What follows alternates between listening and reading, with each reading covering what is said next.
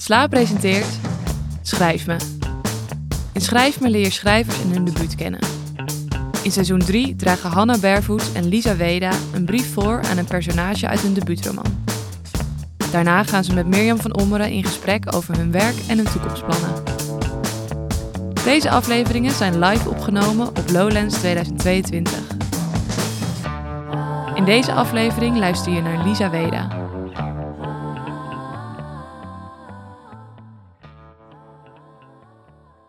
Welkom bij Schrijf Me inderdaad. We hebben vandaag twee schrijvers, twee bijzondere schrijvers. Een van hen is al lang, lang, lang geleden gedebuteerd. Een van hen nog niet zo lang geleden. En met haar begin ik, Lisa Weda. Ze is schrijver, VR-regisseur, programmamaker. Haar eerste publicatie verscheen in 2016. Dat was een chapboek, getiteld De Benen van Petrovski. Literaire weerslag van een reis naar Oekraïne. Het land waar een deel van haar familie vandaan komt. Lisa is in november vorig jaar gedebuteerd met Alexandra.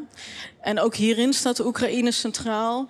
Het boek vertelt namelijk dramatische geschiedenis uh, van het land... via het minstens zo dramatische geschiedenis van Veda's eigen familie. En haar grootmoeder Alexandra vormt de speel van het verhaal. Nou, het zal jullie vast niet ontgaan zijn. Alexandra is overladen met lof sinds het verschijnen. Uh, de Volkskrant riep haar uit tot het literaire talent van 2022. En het boek werd genomineerd voor de Libris Literatuurprijs. Lisa heeft vandaag een brief geschreven aan haar oma, aan Alexandra. En die gaat ze nu voor jullie voorlezen. Graag een heel groot applaus.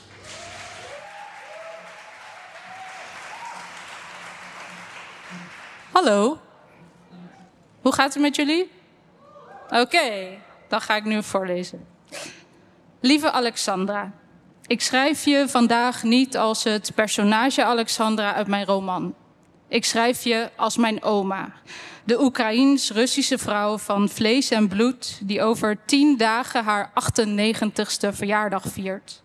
De vrouw bij wie mijn roman ooit begon, bij de 18 jaar oude Alexandra die in 1942 werd weggehaald uit haar moederland. Oma, bijna een eeuw nadat jij geboren werd in een zeven boerderijen tellend dorp in de oostelijke punt van de Donbass, ben ik gevraagd om te schrijven over wat ik anders zou doen. Ben ik boos? Ben ik trots? Heb ik een hekel aan je? En ik kan eigenlijk alleen maar schrijven dat ik niets wil veranderen aan jou, maar wel aan de tyrannieke tijd waarin je opgroeide en leeft. Ik kan als schrijver met die laffe pen in mijn hand helaas niet meer doen dan zeggen: Sorry, het is weer zover. Het is weer duister op de plek waar jij geboren bent. Alexandra, ik denk deze maanden vaak aan een zin van het kunstenaarscollectief Slavs en Tatars. En dit is in het Engels, dus ik ga echt mijn best doen. It is of utmost importance that we repeat our mistakes as a reminder to future generations of the depths of our stupidity. Het is van het grootste belang dat we onze fouten herhalen als herinnering aan toekomstige generaties, als herinnering aan de diepte van onze domheid. De geschiedenis is een rampenplan in herhaling, een aaneenschakeling van duistere scenario's die geëvenaard moeten worden door duisterdere Echt, dat was het moeilijkste woord van deze tekst. Duisterdere scenario's. Alexandra, omaatje van me. Misschien heeft de mensheid helemaal geen zin om naar het licht te zoeken of om erin te staan. Misschien missen we de gruwel als die er niet is, als een soort ontembaar verlangen. Misschien schuilt het wel ergens in ons allemaal, die tirannie. Of in ieder geval in te veel mensen. Als ik dan toch iets zou moeten veranderen, zou ik de geschiedenis naar mijn hand willen zetten. Uh, ik zou mensen willen verplaatsen of deleten en tegen gebeurtenissen aan willen duwen, zoals Marty McFly tegen het verleden doet in Back to the Future. En nu vraag ik me af hoeveel mensen Back to the Future gezien. Wauw, tien mensen. Goed voor de referenties. Ik zou iets ouds verschuiven, zodat er een rimpeleffect in het heden ontstaat. Ik zou een soort DeLorean time travel auto bouwen en naar het jaar 1942 sjezen. Naar 18 november, de dag dat jij, Alexandra, op transport naar Duitsland moet als Sovjetmeisje. Je moet werken voor de Duitsers. Ik ga naar het perron van Voroshilovgrad, dat heet nu Lugansk, waar je vader je bijna in een deportatietrein helpt en onophoudelijk tegen je praat. Hij wil nog van alles zeggen voordat je straks verdwijnt achter de dikke houten deur van de veewagon. Ik kan de woorden van je vader nog elke dag horen echoen door de tijd. Blijf in het westen van Europa als het daar beter is. Ik stap uit de DeLorean, die heeft zo'n soort weirde schuifdeur, dat is heel vet. Uh, en ik ga naast jullie staan op het perron. Ik omhels je. Ik duw je terug in de armen van je vader. Ik ga in jouw plaats, zeg ik tegen je. We lijken op elkaar. We hebben dezelfde ogen, dezelfde wangen, dezelfde kaaklijn. Die Duitsers zullen geen verschil zien. Blijf hier. Ga de bossen in. Duik onder zoals je jonge zusje dat ook deed. Ik zal de reis maken. Ik weet hoe die verloopt. Je overleeft het, maar je kan lang niet terug naar huis. Lang niet terug naar Oekraïne. Dat is niemand gegund. Je kijkt me alleen maar verbaasd aan en je knikt en knikt en knikt. Ik neem je koffer en je deportatiepapieren. Ik stap in en ergens in de tijd, in op een spoor, ergens midden in Polen, waar het bommen regent in de velden om me heen, vloep ik weg, die oorlog uit, het heden in. Vandaag wil ik niets aan jou veranderen, niet als mens, niet als personage uit mijn roman. Maar ik wil wel graag de kwantummechanica aanschrijven om alles tegelijk mogelijk te maken en alles tegelijk op te heffen. Als ik het kon, zou ik alle tirannen wegschrijven. Alle tirannen ongeboren laten of gewoon een simpele, warme ziel laten worden. Maar goed, zo werkt het niet. Nu het alweer acht jaar en zes maanden oorlog is op jouw geboortegrond en ik geen DeLorean voor de deur heb staan, praten jij en ik kort over ons verdriet. Drinken we koffie en amaretto, meestal vanaf vier uur. Meestal meer dan drie van die kleine shotglaasjes. En zeg je tegen mij: Waar ben je nou tegen aan het vechten, meisje? Dit is hoe het leven loopt. Tegen de geschiedenis kan niemand opstaan. Dankjewel.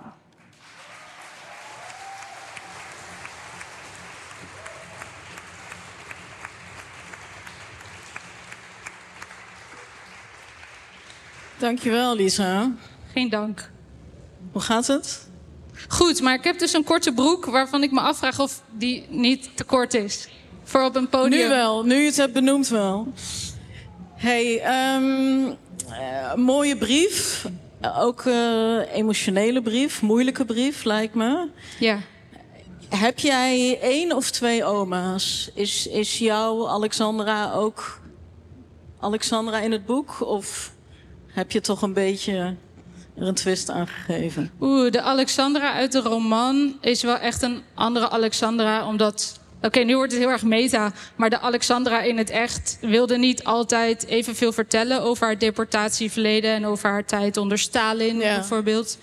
Waardoor ik wel heel veel beeldonderzoek heb moeten doen en zelf dingen heb moeten aanvullen. Waardoor op het moment dat ik het boek, uh, het manuscript aan Alexandra gaf, dus aan de echte Alexandra. Ja. Uh, zij het las en zei: Maar dit is niet gebeurd of dit is niet precies zo gegaan. Oké. Okay. Uh, dus, en dan moest ik haar vertellen, dit is fictie. Oh, dit is, dit, deze Alexandra is fictie en deze weer niet.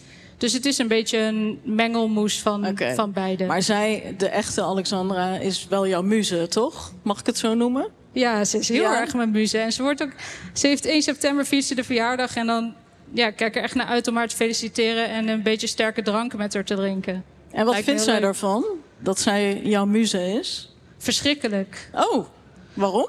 Uh, ja, ik heb acht jaar gewerkt aan dit boek. Dus ik ben acht jaar lang bij haar langs gegaan om te vragen: ja, maar hoe zat dit nou precies in 1929? En wat voor huis woonde je dan? En hoeveel paarden had je dan? En hoe zag dat er dan uit? En zij wilde gewoon praten over dat ze The Bold and the Beautiful had gekeken. En dat iemand een affaire had met een of andere andere dude. Zet dat dan in je boek, zei ze. ja. Dus ja, en je bent natuurlijk zij is bijna een eeuw oud en je bent zo erg aan het graven in iets ouds en in een vrij traumatische gebeurtenis. Sterker nog een opeenstapeling van traumatische gebeurtenissen. Dus dat is nogal wat als je van je oma van 90 uh, eh, dat vraagt. En uh, dit is natuurlijk nu ook weer heel actueel, hè? die hele situatie eigenlijk. Hoe, hoe gaat het nu met haar? Waar is ze? Is ze veilig? Ja, mijn oma woont in Nederland. Dus zij is gedeporteerd in de Tweede Wereldoorlog en nooit meer naar huis gegaan. Ze werd verliefd op een Nederlander. Kreeg het voor elkaar om een baby te hebben, te krijgen in de oorlog. Dus ze heeft ook voor het eerst seks gehad in de, dat, ik weet niet, daar wil ze ook niet over praten. Heel uh, Dan zei ze, ja, het was gewoon heel koud. Oké, is goed. Prima. Zo gaat dat altijd.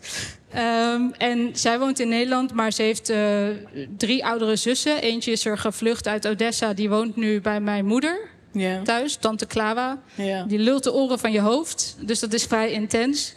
En een ander deel van de familie die ook in Odessa woont... is gevlucht naar Slovenië en Duitsland. En de familie in de Donbass, dus het gebied waar mijn oma is geboren...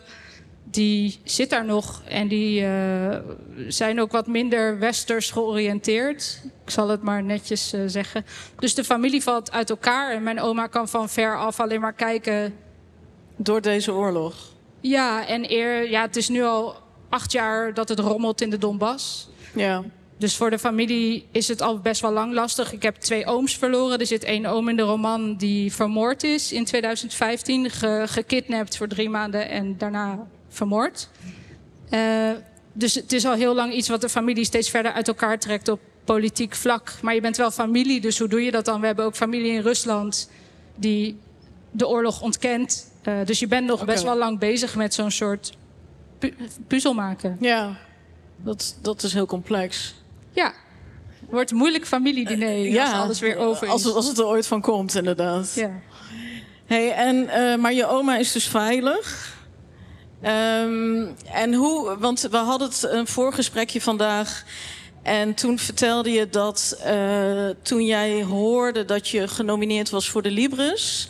En dan heb je die aanloop naar of je op de shortlist staat. En dan moet je een hele dag thuis blijven. Want net zoals PostNL komen ze dan tussen negen en vier bij je langs Ja. of zo. Eh, maar dit was kort na de inval. Dus voor jou was die Libris Literatuurprijs... zat alweer helemaal achter in je hoofd, of niet? Ja, die, die kon me echt gestolen worden eigenlijk. Dus oké, het gaat zo. De Libris is een van de grootste prijzen van Nederland. Je komt op een shortlist met 18 mensen en dan komt er, of een longlist en dan komt er een shortlist van zes mensen. Maar als je dus op die, op die longlist staat, krijg je een e-mail met gefeliciteerd. Je moet op 28 februari fucking lang wachten tot er iemand aanbelt. En dan pas weet je of je op de shortlist staat. Waardoor je binnen vier uur zes jaar ouder wordt. Eh, wat heel oncomfortabel is. En toen was het net inderdaad vier dagen invasie. Ja. Dus ik heb dat helemaal niet per se eh, meegekregen. Maar ik ben wel heel dankbaar dat het boek voor het boek zelf... dus niet vanwege de oorlog in Oekraïne... gewoon de ruimte krijgt die die denk ik verdient. Want het gaat over een eeuw Oekraïne. Het gaat over een eeuw familiegeschiedenis... waarin Ja. je eigenlijk alles wat je nu ziet... zich ziet herhalen eh, generatie op generatie op generatie. ja. Dus het was wel een erkenning, maar het was niet zo relevant... als je misschien van tevoren had gedacht. Nee, ook niet zo relevant als ik had gehoopt dat het zou worden natuurlijk. Want dit is wel een vrij extreme manier om een bestseller eh, Ja, te krijgen. bitterzoet lijkt me. Nogal. Ja. Hey, en even over je roman, want eh, nou, je vertelt een familiegeschiedenis, maar in een best wel bijzondere vorm. Mag ik het magisch realistisch noemen? Ja, dat mag. Doe maar. Eh, want er komen pratende herten in voor, voor wie het nog niet gelezen heeft. Hoe, hoe kom je daarop? Durf, hoe durf je dat risico te nemen als debutant? Ja. Oké, even voor jullie. Ik weet niet wie het boek heeft gelezen. Het is Drie en een halve mens in deze zaal. Nee, achterin Nee. nog meer, maar dat kunnen we niet zien. Ik zocht naar een manier om een familiegeschiedenis te vertellen die niet helemaal chronologisch door de tijd ging. En ik maak ook virtual reality installaties waar je een 3D-bureau opzet en dan kan je alle deuren in een ruimte opentrekken en dan ben je ineens ergens anders. Eigenlijk een soort tijdmachine, net als die DeLorean. Eh, om nog maar even daar naartoe terug te refereren. Ehm, en ik wilde heel graag een soort wereld bouwen die plaatsvindt in een heel groot paleis. Waar je alle deuren van open kan trekken. En elke keer kom je in een ander stuk van de familiegeschiedenis. En in de roman zocht ik heel erg naar een manier om mijn oma nog één keer te verenigen met mijn overgrootvader, die haar achter heeft gelaten op dat, die haar in die trein heeft gezet in 1942. En ze hebben elkaar nooit meer gezien. En ik wilde hun heel graag elkaar laten ontmoeten. En ik wilde graag die overgrootvader ontmoeten. En ik heb hem gewoon in een paleis gegooid waar hij tussen leven en dood wacht tot zijn dochter weer thuis komt. Mijn oma is nog niet overleden, dus ik, in mijn droom komt zij dan, als zij straks overleden is, in dit paleis terecht en ontmoet ze eindelijk haar vader weer na een halve eeuw. Eh, drie kwart eeuw, wat volgens mij heel mooi is. En voor de rest is dit, moet, je moet gewoon het boek lezen. Ja, dat Dan is dat het allemaal super duidelijk. Maar die herten zijn eigenlijk de metavertellers in jouw roman. Ja, klopt. Mijn overgrootvader was een Don Kozak. En Don Kozakken waren vrijheidsstrijders. Die zijn in de jaren twintig heel erg onderdrukt door Stalin onder andere. En uh, hun symbool is een hert met een pijl in de rug. Super mooi. En uh, die herten vertellen eigenlijk het hele verhaal van de Donbass en van Oekraïne en de geschiedenis van de onderdrukte Don Kozakken. En ze vertellen het verhaal van de familie. Uh, de geschiedenis van Oekraïne is super complex. Daar komen we nu allemaal langzaam wel achter dat we dachten: oh, huh, er ligt gewoon een land tussen Polen en Rusland. Ah, oh, het is Oekraïne. Hoe zit dat eigenlijk? Wat is dit voor super complexe natie? Ja. Uh, en die herten zijn er om je een beetje op een redelijk grappige en ook wel emotionele manier te laten zien hoeveel complexe geschiedenissen er op dat stuk land zijn. Dit is echt wel veel politiek voor op de zondagmiddag als je super braaf nee, maar bent. Nee, maar goed. Houdt mensen een beetje scherp. Oké. Okay. Maar jouw uitgever zei niet van, uh, yo, dit, haal dit er even uit. Dit is uh, te ambitieus. Nee, mijn uitgever, die, uh, die ook wel vrij lang in het vak zit, die zei... Oh, een Grieks koor. Toen dacht ik, wat bedoel je? Toen ben ik gaan googlen. En eigenlijk hebben die herten een soort van, het functie van, van de functie van een Grieks koor... die allerlei dingen bezingt, terwijl er daar tussendoor scènes plaatsvinden. Dus ik heb ook nog iets geleerd. Hey, en en ja, ik, het is een clichévraag, maar ik wil er toch mee eindigen. Oké. Okay. What's next? Uh, er komt een theatervoorstelling over, uh, over dit boek met een groep klassieke muzikanten die uh, vernieuwende klassieke muziek maken. Maar dat is pas eind 2023. En er komen twee boeken: een roman en nog een kleiner essay over hoe verveeld we eigenlijk zijn als Europeanen en hoe chill we het hebben en hoe complex dat is. Voel je de druk van die tweede roman nu dat je met je debuut ook nog zoveel lof hebt geoogst? Of Nee. Kan het je niks schelen? Weet ik niet. Okay. Ik denk, alles is altijd paniek. Dus je hebt heel veel plezier en dan is het bijna klaar. En dan denk je, help, kan ik me verstoppen? Kan iemand alles cancelen? Ik wil niet meer meedoen. En dan komt je boek uit en dan gebeurt het pas. Dus het is heel gek. Ja, wel leuk. Spannend. Ja. We gaan naar uitkijken. Dankjewel voor je brief en je deelname. En uh, nou ja, succes en goed aan je oma. Ja, zou ik doen. Dankjewel. Lisa Weda.